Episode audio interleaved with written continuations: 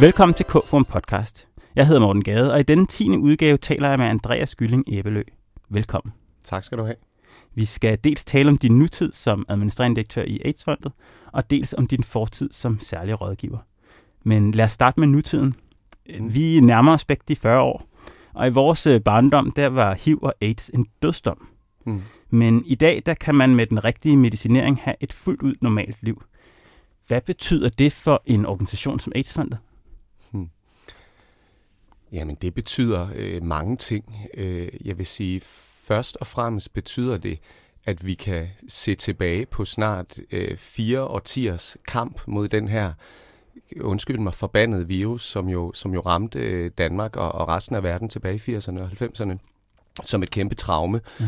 Øh, vi kan se tilbage på en, øh, en, en kamp, som, og her skal man jo allerede vare sine ord, som ikke er vundet, men, men hvor vi kan sige, det kan faktisk lade sig gøre øh, med, med en koordineret øh, og en offensiv indsats, både i forhold til øh, øh, forskning, i forhold til lægevidenskaben, i forhold til kampagner, i forhold til det offentlige, i forhold til civilsamfundet. En masse gode ting, der har spillet sammen, øh, har gjort, at vi nu er et sted, hvor, hvor den her sygdom er noget helt andet, end det var dengang. Øh, og det er, jo, det er jo det fantastiske budskab, og det er egentlig også fedt øh, som organisation at kunne pege bagud og sige, se hvad vi kan øh, se, hvad vi har kunne lykkes med øh, med, med fælles kræfter. Øh, så er den store udfordring jo øh, en blandt mange, øh, samtidig at min, min omverden og politikere og interessenter i det hele taget om, at, at kampen altså ikke er vundet. Men, men grundlæggende er det jo godt, at vi er kommet så langt. Øh, nu skal vi i mål. Ikke? Altså som, som sådan barn af 80'erne, så, så er HIV og AIDS jo sådan en af de der store angst, grundangster, man kunne have, fordi man så de her frygtelige billeder og hørte de her historier om ganske unge mennesker, der blev meget alvorligt syge. Mm. Og det betyder jo, at i hvert fald for mig har det, har det taget, der er sådan en flere års forsinkelse på, hvornår man opdager, Mm. hvor langt øh, forskning egentlig er kommet, og hvor langt medicinering egentlig er kommet. Er det jeres øh, oplevelse, at sådan er det også bredt i befolkningen? Ja, øh, hvis, man, hvis man ser på befolkningen bredt set, så, så, ja, så er det sådan set en meget god beskrivelse af det, som du kommer med. Der er nogle års forsinkelse øh, på, øh, at man faktisk tager fakta ind, Ja. øh, og, og reelt øh, ikke bare forstår, men også handler efter, at, at verden ser anderledes ud. Øh, og der er selvfølgelig forskellige niveauer af viden, også alt afhængig af, om man tilhører en kernemålgruppe, der er i højere risiko øh, end andre, så, så, så, så står man nok anderledes i sit vidensniveau. Men, men, men ja, der er, der er forsinkelse på, og det er der jo netop, som du siger, fordi øh, de billeder, som man kan huske øh, eller har set efterfølgende øh, af øh, dødssyge mennesker, afpillede mennesker osv. Ja, nu, gen, nu gengiver jeg dem selv her, ikke? Men, men jo også fordi det er en del af fortællingen om den her sygdom, som også er stærk og som er vigtig at huske på. Men, men, men har man set øh, Tom Hanks i filmen Philadelphia eller, eller andre af den type, øh, så er det meget svært at, altså, you can't unsee it. Øh, det, det, er simpelthen, det er simpelthen svært at, at, at, at aflære øh, de billeder. Øhm, og, og det er en udfordring for os. Øh, det, det må jeg sige helt åbent, øh, fordi billeder er stærke, og, og særligt når det er billeder, der har med, der har med sygdom og frygt og angst og, og død og, og fysisk svækkelse og sådan nogle ret stærke, grundlæggende øh, frygter, frygte, vi har øh, i vores, vores liv at gøre.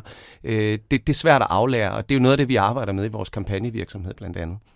Ja, for hvis man kigger tilbage, har det vel omvendt også været en vigtig del af kommunikationen for at Mm. fortælle, hvor, Mm. hvor frygtelig den her sygdom var, og have, vise de her billeder, altså hvis vi kigger tilbage. Absolut, og, og, og der har været øh, historisk øh, i, i øh, HIV-AIDS-bevægelsen, også globalt, har der sådan været forskellige skoler, om man vil, ligesom der er det inden for alle mulige andre sektorer, for hvad er den rigtige tilgang, hvad skal vi kommunikere her, skal vi kommunikere øh, med frygt og angst og så videre. Det er jo effektivt, det ser man også i, i dag, når man kigger på, på politik og alle mulige andre øh, områder. Øh, eller skal vi, skal vi kommunikere øh, håbet og så videre, det antistigmatiserende, altså du kan godt gøre x, y, z med et menneske, der, der har HIV og så videre, og så videre. Der har været sådan forskellige, øh, forskellige skoler, og det afhænger jo også af, om man er ude i en forebyggelsesindsats, altså vil vi gerne øh, have, vil vi gerne forebygge, at folk får HIV, så, så har der været nogen, der har tænkt, jamen så er det altså den løftede pegefinger og skræmmebillederne, ja. der skal på. Øh, er, det, er det den del af kampagneindsatsen, som, som vi også bruger meget tid på, som er ja, netop den afstigmatiserende, hvor vi gerne vil fortælle også i generalbefolkningen, at, øh, at mennesker med liv altså kan leve øh, lige, så, lige så gode og lange liv som, som alle mulige andre. Øh, som du nævnte indledningsvis, hvis man er medicineret, og det er jo langt, langt de fleste med HIV i Danmark i hvert fald, der er jo stor forskel på Danmark og, og globalt, øh, så kan man øh, leve et, et, et fuldstændig normalt liv, øh, dyrke sex, have sociale relationer, få børn og alt muligt andet. Det budskab vil vi også gerne ud med. Så er det, så er det, en anden, øh, så er det nogle andre mekanismer, vi arbejder med, øh, end, øh, end det forebyggende. Så, så der er mange forskellige tilgange, og på den måde er det jo et dybt komplekst emne, det her, og, og derfor enormt spændende, også for, for et kommunikationsmenneske som mig. Ja, det kan jeg godt forestille mig. Den her, den her balance mellem de her to budskaber, man kan sige, øh, det er en frygtelig farlig sygdom, selvom den kan medicineres, og så, øh, som, som man kan sige, skræmmebilledet, eller, eller det, det, det farlige, og så på den anden, det andet ben i at sige, det, det afstigmatiserende. Mm. Det her er noget, du kan leve med, og du kan have et fuldstændig almindeligt liv. Mm. Hvordan balancerer I sådan mere konkret de to? Øhm, jamen, det gør vi... Øh, man kan sige, det afstigmatiserende, det... Øh, øh, der har vi i de senere år, hvis jeg lige skal tage den del, øh, der har vi i de senere år arbejdet med at, at prøve at hvad kan man sige, flytte samtalen en lille smule, eller flytte, rykke budskabet et andet sted hen, hvor vi i en årrække øh, har lavet kampagner, der sådan handlede om, øh, ja, du kan godt øh, bruge det samme håndklæde som en, der har HIV, eller den samme kop, ja. eller den, hvad ved jeg, alle mulige sådan meget konkrete hverdagsnære ting. Øh, du kan godt give et kys og et kram og alle mulige ting. Ja.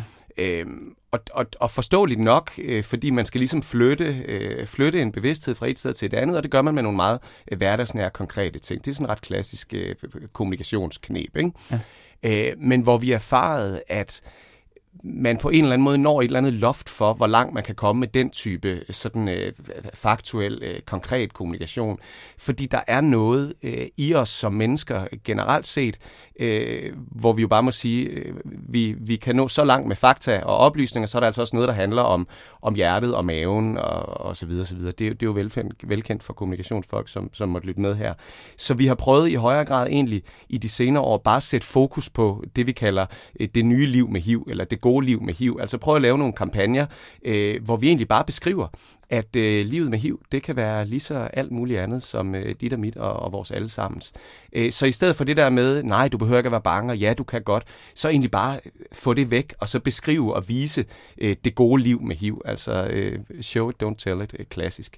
Ja. Øh, og det, øh, det synes vi, vi kan se, når vi laver kampagnemåling og så videre. Det har en effekt, øh, at man viser, at mennesker med HIV kan, kan have børn og familieliv og kærlighedsliv og sexliv øh, på alle mulige måder, ligesom alle andre. Ja. Men det, det, det kan jeg også forestille mig er meget vigtigt det budskab at komme ud med, men jeg kan også forestille mig, at det er sværere at, at trænge igennem med, end, end de der sådan klassiske frygtkampagner. Ja, det, det er det også. Øh, og derfor har vi også, øh, hvad kan man sige, givet os selv nogle år til at arbejde med det. Ja.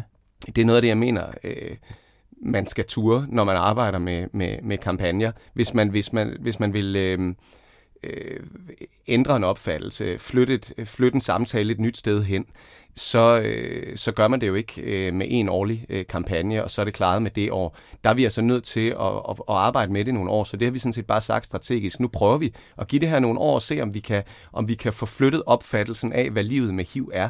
Ja. Øh, og det er jo også en erkendelse af, at den her sygdom, øh, gudskelov, øh, ikke længere er en, er, er en trussel mod folkesundheden. Det er det ikke, netop af de årsager, jeg nævnte indledningsvis, at vi har arbejdet målrettet med det her, både på forebyggelse og, og, og, og, og behandlingsfronten. Øh, så det er jo også en erkendelse af, at vi ikke snakker øh, kræft og diabetes og gigt her. Så tager det alt andet lige også noget længere tid, når man har med, han har sagt, en, en niche øh, sygdom at gøre men jo samtidig en, som alle kender, og alle har et forhold til. Det er det, der er sådan også et af, af modsætningsforholdene i det. Men, men, men ja, det bliver et langt, langt svar på dit korte spørgsmål, men altså, vi giver det noget tid, og giver os også rum til at, at, at analysere og måle på det, og eksperimentere lidt med de forskellige udtryk. Men det kan ikke hjælpe noget, hvis man, hvis man efter to år tænker, nå, folk mener stadig det samme, øh, så giver vi op og prøver noget andet. Det, det, det kræver tid. Kan du øh, fortælle lidt mere konkret om, om den her bevægelse hen over de her par år? Hvad, hvad, er det sådan en, en masterplan, jeg har lagt, da du startede som direktør for et par år siden? Eller er det mere noget, I tilpasser undervejs? Ja, det, det, det, var, det var sådan set, øh, ret skal være ret, det var en, det var en drejning, strategisk drejning, man allerede havde taget lige inden jeg startede. Øh, jeg har så haft mulighed for at påvirke den og, og, og, og bygge videre på den, og er selvfølgelig helt enig i den. Men, men grundlæggende handler det om øh, at, at, at, at vise fortællinger af, af helt almindelige livssituationer. Det er lidt svært at gengive ja. en, en kampagnefilm, men, men vise helt almindelige, sådan uh, smådramatiske situationer. Et kærestepar, der står på badeværelset, og den ene rækker ind over den anden og tager, uh, tager uh, tandpastaen, og vedkommende mm. bliver forvirret og irriteret osv. osv. Uh, og så er der en afmelding, der hedder uh, Livet med HIV, uh, lige så dramatisk som dit. Mm. Altså underforstået, mennesker med HIV uh, har fuldstændig de samme hverdagsproblemer, uh, hverken mere eller mindre. Uh, vi kørte også nogle printannoncer, øh, som, som var sådan noget med, øh, øh, er det svært at være far, øh, hvis man har HIV? spørgsmålstegn, og så, og så med småt. Øh, ja, øh, det kan fx være enormt problematisk at få login til forældreintra. Ja og så videre, og så videre. You get ja. it. Øhm, for i virkeligheden at få skubbet det hen på, på hverdagslivet, som er, som er det, der er, der er tilfældet for mennesker med HIV. I Danmark i hvert fald, og i den vestlige verden. Men måler I så på, om de her kampagneelementer enkeltstående, de rykker noget, eller måler I mere på udviklingen i befolkningen? Vi gør begge dele. Øh, vi laver, vi laver post-test, øh, som, som det hedder. Det vil folk i, i bureaubranchen øh, kende, hvor vi simpelthen undersøger, om folk, der er blevet udsat, om jeg så må sige, for den her kampagne, om det i højere eller lavere grad har ændret deres syn på forskellige ting, om de vil ændre handling, handlemønstre osv. osv. Så det, det gør vi, og der kan vi se, at det, at det, at vi drejer det, det altså, det altså skaber en, en, en, et, et mere positivt syn på, på livet med HIV, end det har gjort hidtil. Så vi kan se, at det virker, men igen, vi, vi revolutionerer jo ikke det her over, over, over et år eller to, så, så det skal have tid. Vi måler også mere generelt på befolkningens holdning, altså øh, hvordan vil du reagere, hvis øh, du fik en kæreste, der er HIV, eller hvis din datter kom hjem med en svigersøn, der havde HIV, øh, hvordan vil du øh, agere i alle mulige livsforhold? Øh, der går det stadig alt for langsomt i forhold til, hvad fakta er om, om, om livet med HIV, men, men det går dog fremad. Ja. Så, så grundlæggende må man, må man være tålmodig. Hvad tror du, der skal til for at, øh, for at rykke de her sådan lidt mind, de, de, de, de øh, følelser, der er faktastridende?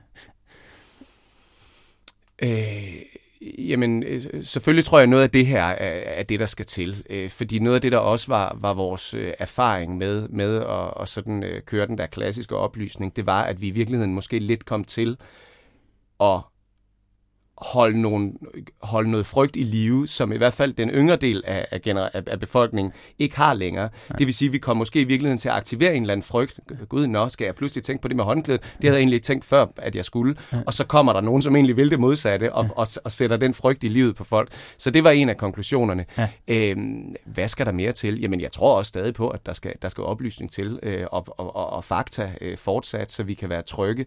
Øh, vi fik i sommer øh, en, en øh, Øh, resultaterne af en global undersøgelse, hvor man har fulgt øh, en masse par, hvor, hvor den ene er HIV-positiv, øh, altså har HIV, og den anden er HIV-negativ, har ikke HIV, og man havde fulgt deres, de havde i virkeligheden indrapporteret alle deres øh, samlejer øh, i en årrække, øh, samlejer uden kondom, øh, og der var nul smitte øh, overførsel. Og det var jo to fede streger under, streger under det her budskab om, at velbehandlet HIV ikke kan smitte. Det er simpelthen umuligt.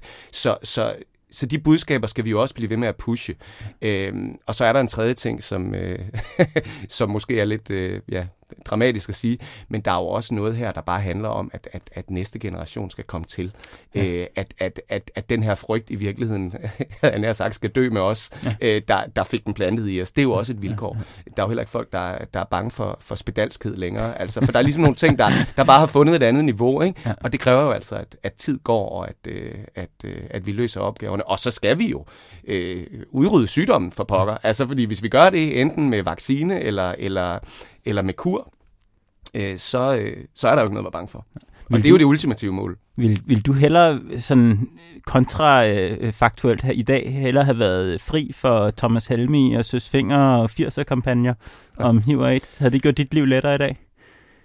Det tror jeg ikke. Øh, jeg, jeg, jeg er ret sikker på, at, eller vi ved øh, sådan set, at, at, at det de gjorde, for en ting var, hvad kan man sige, kampagnerne på med dutten og så videre, men, men når du lige, lige præcis nævner, nævner dem og, og, og alt det, der handlede om, om den, jeg elsker sangen og så videre, og så videre, så kan man slet, slet ikke undervurdere, øh, hvad, hvad forskellige kunstnere og kendte ansigter i det hele taget har gjort for den her øh, sygdom øh, igennem årene.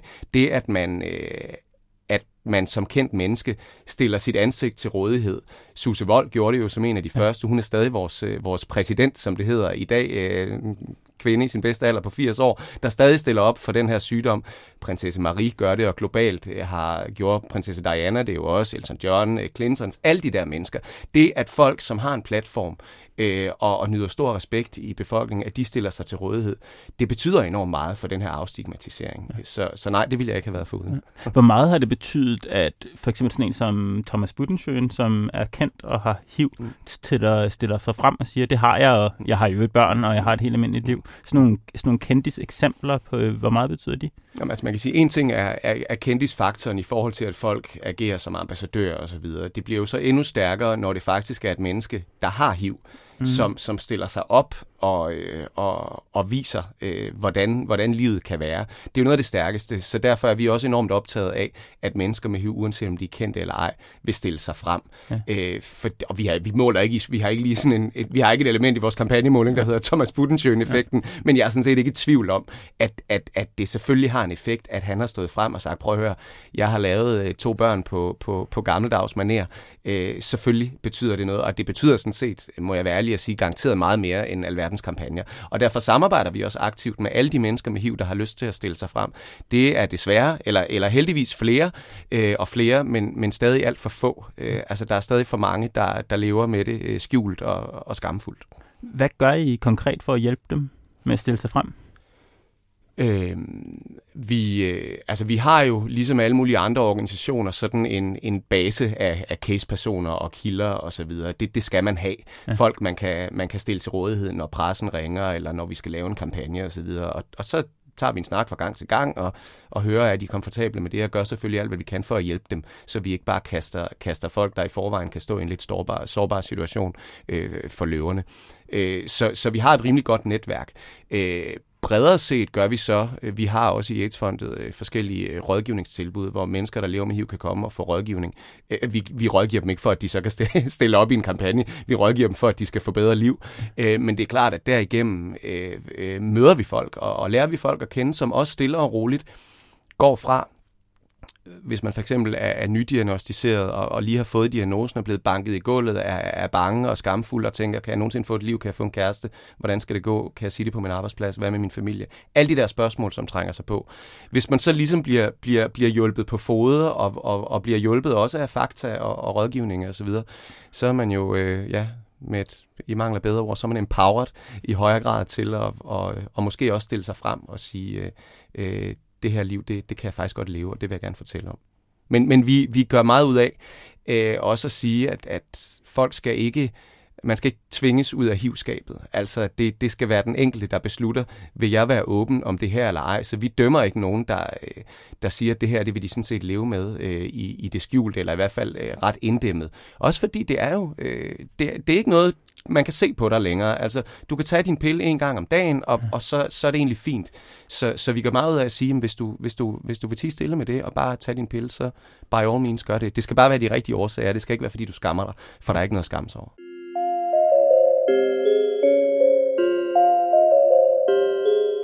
Nu prøver vi at skifte lidt emne fra et, fra et stort emne til et andet.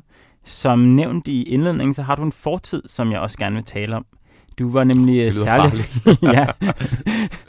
Du var nemlig særlig rådgiver for Mogens Jensen i den øh, sidste del af regeringen Helle thorning Smiths tid. Mm. Var, det, var det farligt at være? Nej, det var ikke farligt. Men det var øh, begivenhedsrigt, kan Ja, det var det. Det var det.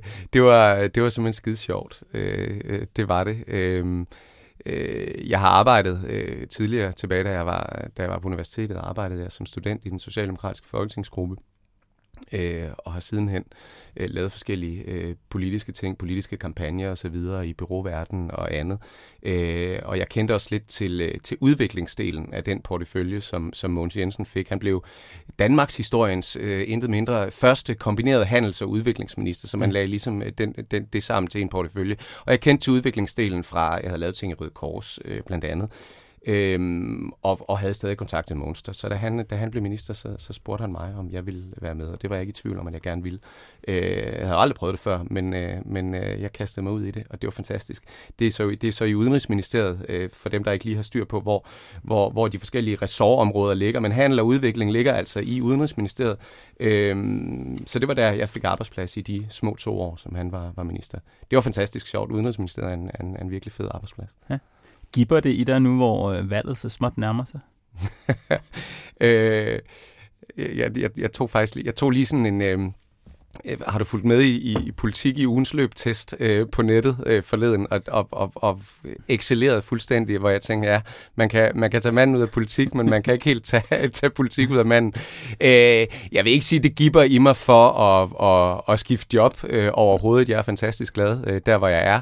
Øh, men, men det giver der i mig, fordi jeg har arbejdet med politik øh, i så mange år og, og, og, og på, på et relativt øh, højt niveau. Øh, så det er jo spændende, nu hvor, hvor kampagnetrommerne øh, begynder, begynder at lyde. Øh, hvem ved, det kan være, det kan være der er udskrevet valg, når det her, det, det her det udkommer. Øh, så det gør det. Det er spændende. Det er en spændende tid, og, og, og netop fordi jeg var særlig rådgiver op til en valgkamp, så, så ved jeg også en lille smule om, hvad der, hvad der foregår, øh, både i ministerkontorerne og så videre, så videre derude. Så, så ja, de har godt gang i den, og det er jo spændende at følge. Men, men, øh, men jeg er glad nok for, at det er på sidelinjen, vil jeg sige. Vil du ikke tage os lidt med øh, bag kulisserne? Hvad, hvad, hvad sker der i øh, ministerkontorer på, den her, på det her tidspunkt, hvor alle lidt går og venter på, øh, på at valget bliver udskrevet? Øh, der sker fantastisk mange spændende ting. Og, og lige præcis det med ministerkontorerne er jo, er jo lidt noget særligt, fordi øh, når man er minister, så er man jo øh, først og fremmest minister, så er man jo ikke, så er man jo ikke kredskandidat øh, et eller andet sted. Øhm, og det er, en, det er en balanceakt, som, øh, som vi er meget skarpe på i Danmark, og skal være, øh, mener jeg, så man ikke kan, kan misbruge embedsapparatet til at køre politisk kampagne. Det har vi fuldstændig klart nedskrevne regler for i, i Danmark. Øhm, så som minister øh, er, man, er man i virkeligheden en lille smule splittet øh, i den her periode. Det har i hvert fald været, været min erfaring, øh, og det ved jeg også, øh, det er fra andre, fordi man skal jo passe arbejde som minister. Det er det, man får sin, øh, sin udmærkede hyre for, og embedsværket skal også nok sørge for at holde ministeren til ilden. Øh, så, så det kan godt være lidt en kamp, det der med faktisk også at skulle forberede en valgkamp. Øh, man skal jo tænke på, at, at når valget bliver udskrevet, så er ministerne, at de i praksis stadig ministre, men, men sådan på, på vågeblus, kan man sige. Øh, så man agerer ikke som minister i den korte udskrevne valgkamp. Der suser man afsted ud til sin valgkreds, og så er man der. Men, men er der et eller andet, man skal tage stilling til, så, så ringer departementchefen eller ministersekretæren eller en eller anden, og så tager man stilling til det. Men man, der er ligesom sådan en, en, en uskreven regel, eller den er sådan set også ret nedskreven, om at man ikke agerer minister. Øhm, men man skal jo også op til valget forberede sin valgkamp. Man skal hjem til, i Måneds tilfælde var det Herning og Vestjylland Storkreds, øh, for andre er det andre steder. Så man skal jo i højere grad intensivere øh, aktivitetsniveauet øh, for ligesom at, at forberede og mobilisere øh, hjemme i kredsen, fordi de tre uger er jo, er jo den korte valgkamp, men den lange valgkamp er jo, er jo hele perioden. Ja. Og det er en balanceakt, øh, det er det bestemt. Øh, og så... Øh, og så må man jo agere i det øh, så godt man kan. Men, men vi har oplevet øh, flere gange, at øh, hvis man var til et eller andet øh, rundt i landet øh, på virksomhedsbesøg eller et eller andet, hvis der så var et sted på ruten, hvor ministeren lige skulle af og holde et, øh, et oplæg i fagbevægelsen eller i kredsen, så stod ministersekretæren af, så stod de øh, embedsfolk af, som var med måske i ministerbilen, så tog de toget hjem, for der må simpelthen ikke være tvivl om, at, øh, at øh, når ministeren laver sit politiske arbejde, så er, det, så er det ikke understøttet af embedsværket. Og det er jo, som det skal være. Og da så, da så der blev trykket på knappen, og der er tre uger til valget, så blev du opsagt? Ja, det er rigtigt. Øh, der fik jeg mit livs første, øh, øh, første fyrsædel. Forhåbentlig eneste, men det kan man jo aldrig vide. Det er men, dog ikke kun dig. Der... nej, nej, det, det er sådan en generel regel, ikke? at øh, den særlige rådgiver øh, kommer og går øh, med ministeren. Øh, og det er så uanset om ministeren øh, stopper, øh, fordi der er rokade, eller fordi vedkommende har, har, har, har, har trådt i nælderne, eller om det er fordi valget bliver udskrevet. Øh, I mit tilfælde var det så, fordi valget blev udskrevet. Og jeg vidste godt, øh, man får det ikke at vide øh, lang tid i forvejen, heller ikke som særlig rådgiver. Øh, det er en meget snæver kreds, øh, der ved det, men, men, men for dem, der kan huske det tilbage i 2015, så gik øh, Helle thorning øh, lige til kanten af perioden, øh, ligesom mm. Lars Løkke jo tydeligvis gør det lige nu. Så vi vidste jo godt, da vi kom hen i slutningen af maj, at, at nu var det altså snart nu. Jeg tror, det var den 27. maj øh, 2015, hun udskrev valget. Så jeg vidste godt, da jeg gik på arbejde om morgenen, at, øh, at der ville være et pressemøde øh, lidt senere på dagen, hvor valget blev udskrevet. Øh, og ganske rigtigt, så, øh, så blev valget udskrevet, og så kom øh, den gode øh, øh sekretariatchef øh, på, på 6. sal ind i Udenrigsministeriet, det er der, hvor minister og departementchef og, og, og særlig rådgiver sidder, øh, og lagde sådan en lille fin fyrsædel på mit bord med, med et smil og et glemt i øjet, for vi vidste jo godt, hvad det drejede sig om. Og så skulle jeg ellers øh, pakke mine ting og sikkerhedskopiere og gøre ved, og så øh, susede jeg ud af ministeriet. Og hvad ja. gør man så? Man gør lidt forskelligt. Øh, jeg øh, tog toget direkte øh, til Herning øh, for at hjælpe den øh, gode minister med at, med at blive øh, genvalgt. Øh, det er sådan, at særlige rådgivere, når de bliver opsagt, så, så får man... Øh, så, får man, øh, så er man fritstillet seks måneder øh, med løn. Øh, og jeg valgte altså at investere tre uger af de seks måneder på måske at kunne have det job efterfølgende også. Så jeg tog sådan set over at agerede, agerede særlig rådgiver i de der tre uger, var en del af valgkampen og, og bidrog der.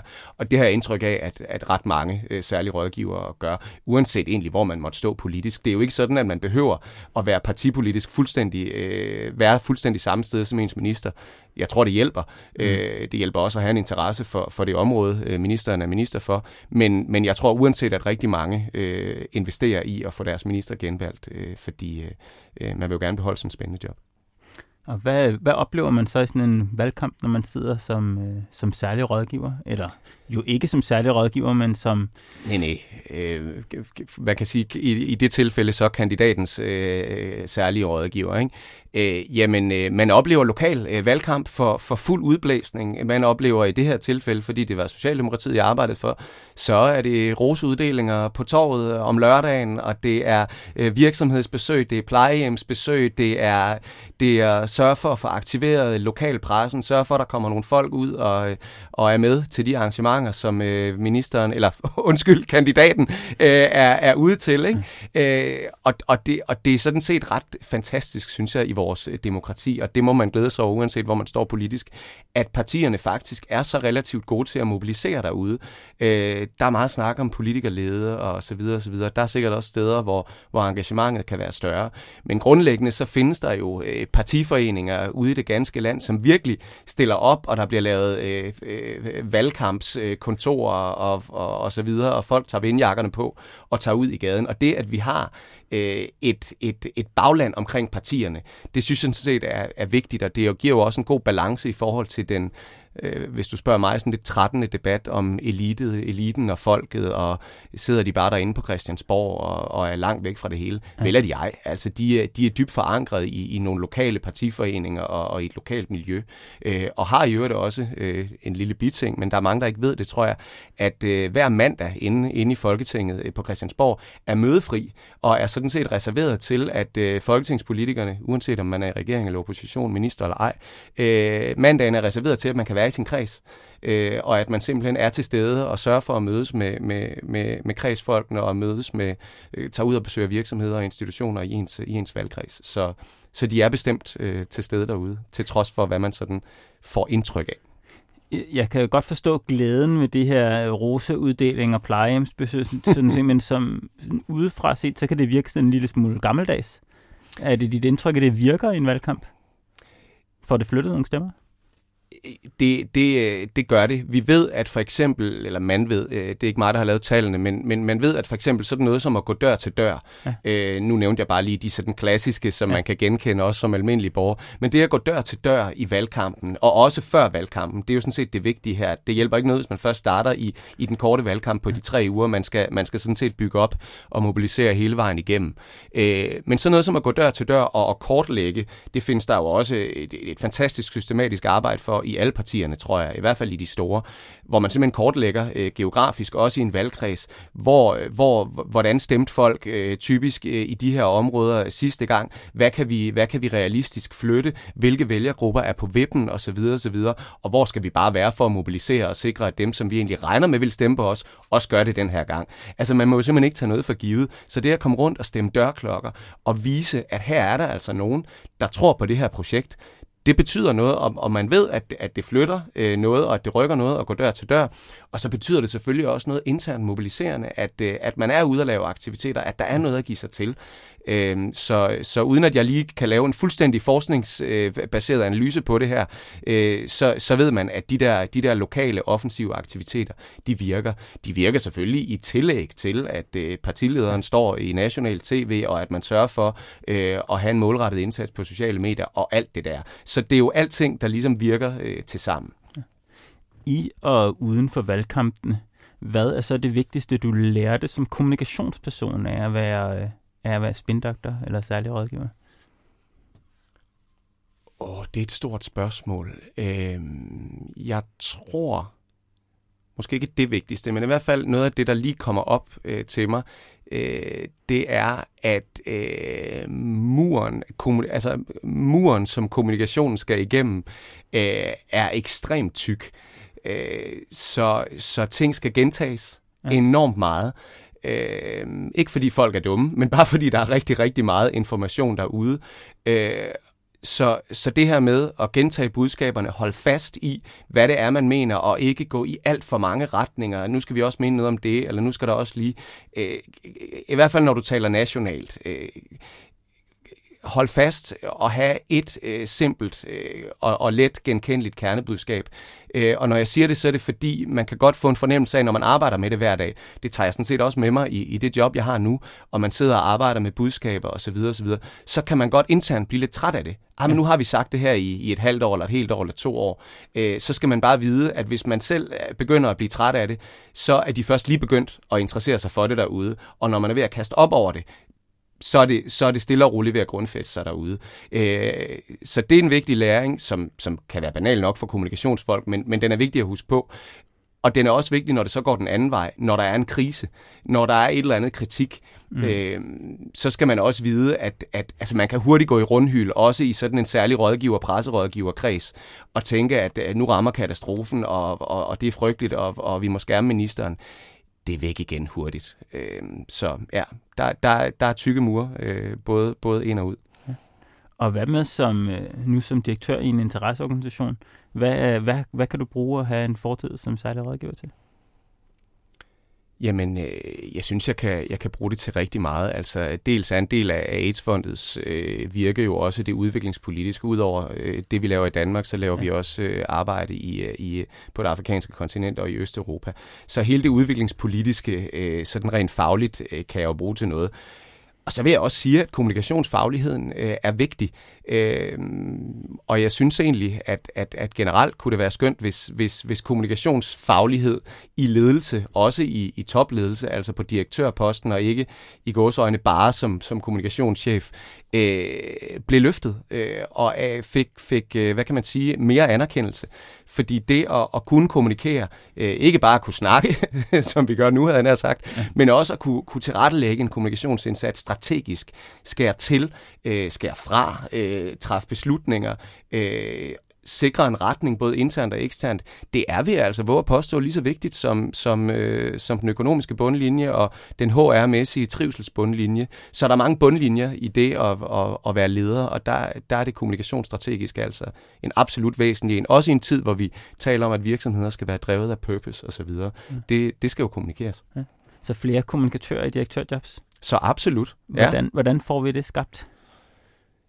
Det gør vi nok både ved, at øh, flere øh, kommunikatører, øh, hvad enten det er humanister eller journalister eller hvad det er, øh, ranker ryggen og ser sig selv øh, som nogen, der faktisk har en faglighed, der også kan bidrage på, på CEO-niveau. Øh, ja.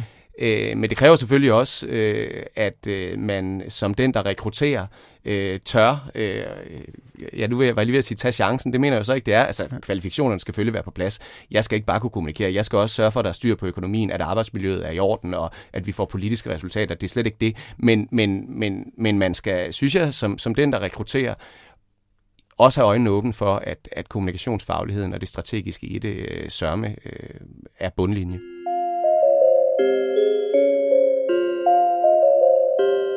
I dette podcast er leger vi altid en lille selskabsleg, og jeg vil gerne her til sidst bede dig om at vurdere, om en række fænomener er overvurderet eller undervurderet, og hvorfor.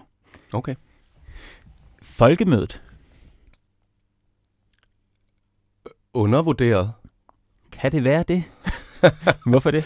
Jamen, du, du kan godt høre, at jeg, jeg tøvede lidt, men, men, men det er fordi, jeg egentlig har lyst til at sige midt imellem, men det er også så kedeligt.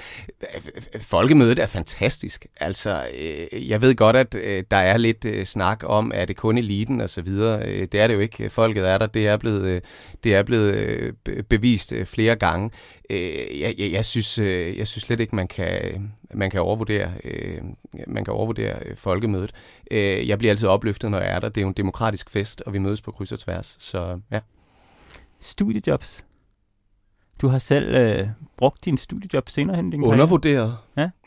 Øh, jeg tror, det har betydet, øh, hvis ikke alt, så i hvert fald rigtig meget, at jeg øh, kombinerede øh, universitetstiden øh, med øh, forskellige relevante studiejob, øh, både på Christiansborg og i foreningslivet. Jeg var aktiv i Ungdomsrød Kors osv. Jeg kan huske, da jeg fik mit første job, i 2008, det var inde på Advice.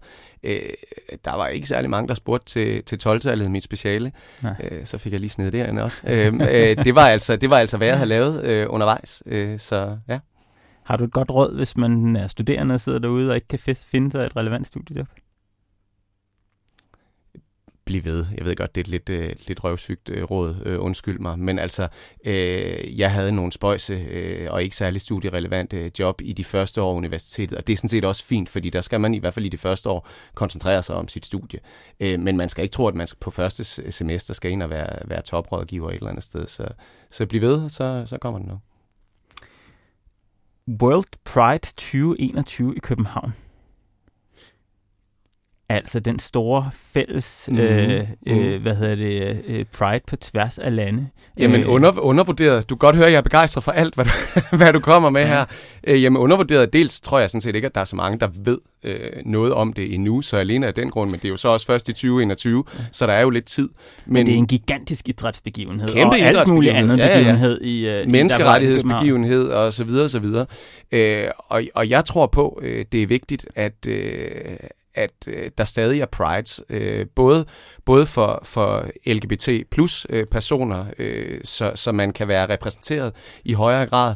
Ja. Øh, der er tit nogen, der spørger mig, jamen øh, hvorfor, skal, hvorfor skal I have sådan en særlig dag? Øh, og så kan man sådan et kægt svar tilbage, jamen øh, alle de andre dage i året, det er hetero prides, ikke? Så, så, så sådan er det. Men, men det er vigtigt, fordi det er mobiliserende, og det er med til at skabe synlighed, og det er så meget mere. Det er det også, kan du sige, den lille, den lille Copenhagen Pride, som, som findes hvert år, og som jo også findes i Aarhus og Aalborg og andre byer. Øh, det, det er meget mere end det der optog. Det er programmer, det er debatter, det er fokus på menneskerettigheder osv. Så, så absolut undervurderet der er en ting, som øh, når man kigger på Pride, som har bevæget sig meget her de sidste par år, som er, at der er kommet nogle meget store sponsorater fra Netto og mm. den slags virksomheder, mm. tror jeg det er. Mm. Hvad betyder det? Øh, det betyder, øh, tror jeg, nu, nu sidder jeg jo ikke inde i, inde i Copenhagen Prides øh, maskinrum, men, men jeg tror, det betyder en blåstempling, ja. øh, som, øh, som er vigtig. Øh, og jeg vil sige hellere det end det modsatte. Altså der er også folk, øh, kritiske røster, der kan sige, jamen er det så ikke bare øh, sådan noget øh, øh, øh, pinkwashing eller rainbow washing, eller hvad man nu kalder det, hvor virksomhederne øh, pynter sig med lånte fjer. Og det er selvfølgelig også bedst, hvis der er hold i det, også hver dag i virksomheden, at virksomhederne arbejder inkluderende, antidiskriminerende osv. Men jeg vil altså hellere have det, end jeg vil have det modsatte. Man skal ikke mange år tilbage, før virksomheder, der var nogle virksomheder, der ikke ville i nærheden af det der. Så, så hellere for meget end for lidt øh, pinkwashing. Noget, der måske er til fælles med, øh, man kan sige, med, med Pride og øh, med det valgkamp, det er den her mobiliserende del af det. Hvordan mm. får man skabt sådan en mobilisering i en, øh, i en organisation? Øh, jeg tror, man gør det øh, ved at have en høj grad af frihed. Øh, I hvert fald, når man taler mobilisering af frivillige. Øh, det er min erfaring, både nu øh, og, og tidligere, øh, hvor, hvor, jeg, hvor jeg har været i andre organisationer som øh, frivillig. Øh, hvis ikke der er frihed til at sætte sit præg på det, øh, så kan det være lige meget, hvis man kommer ind øh, og, og har en oplevelse af, at, at ham der direktøren, han har proppet en ind i en matrix, hvor man skal udfylde lige præcis det her, og, og så er det det rigtige, øh, så forsvinder man hurtigt. Så en høj grad af frihed til, at man som, som frivillig kan komme ind og, og, og bidrage øh, med, det, med det, man har, det man brænder for. Selvfølgelig inden for rammerne af det, som er, er målet og visionen for organisationen, men, men frihed må være, må være det vigtigste. Sidste fænomen, alle helgenes aften. Du skrev en meget fin kommentar om det, så jeg. Øh, jamen, undervurderet. Nu har jeg altså fuld plade på, på, på undervurderet, ja, men øh, ja, nå, det var en sjov en. Alle helgens aften. Jamen, det synes jeg er undervurderet. Kan du ikke fortælle, hvorfor du skrev sådan en fin kommentar om det, så jeg, ja. i Berlingske? Ja, var det den om min mormor?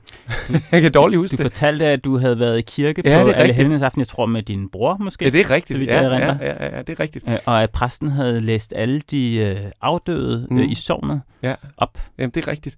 Øhm, jamen, jeg, jeg, jeg tænker, at vi øh, i det her samfund jo ikke forholder os så frygteligt meget til døden.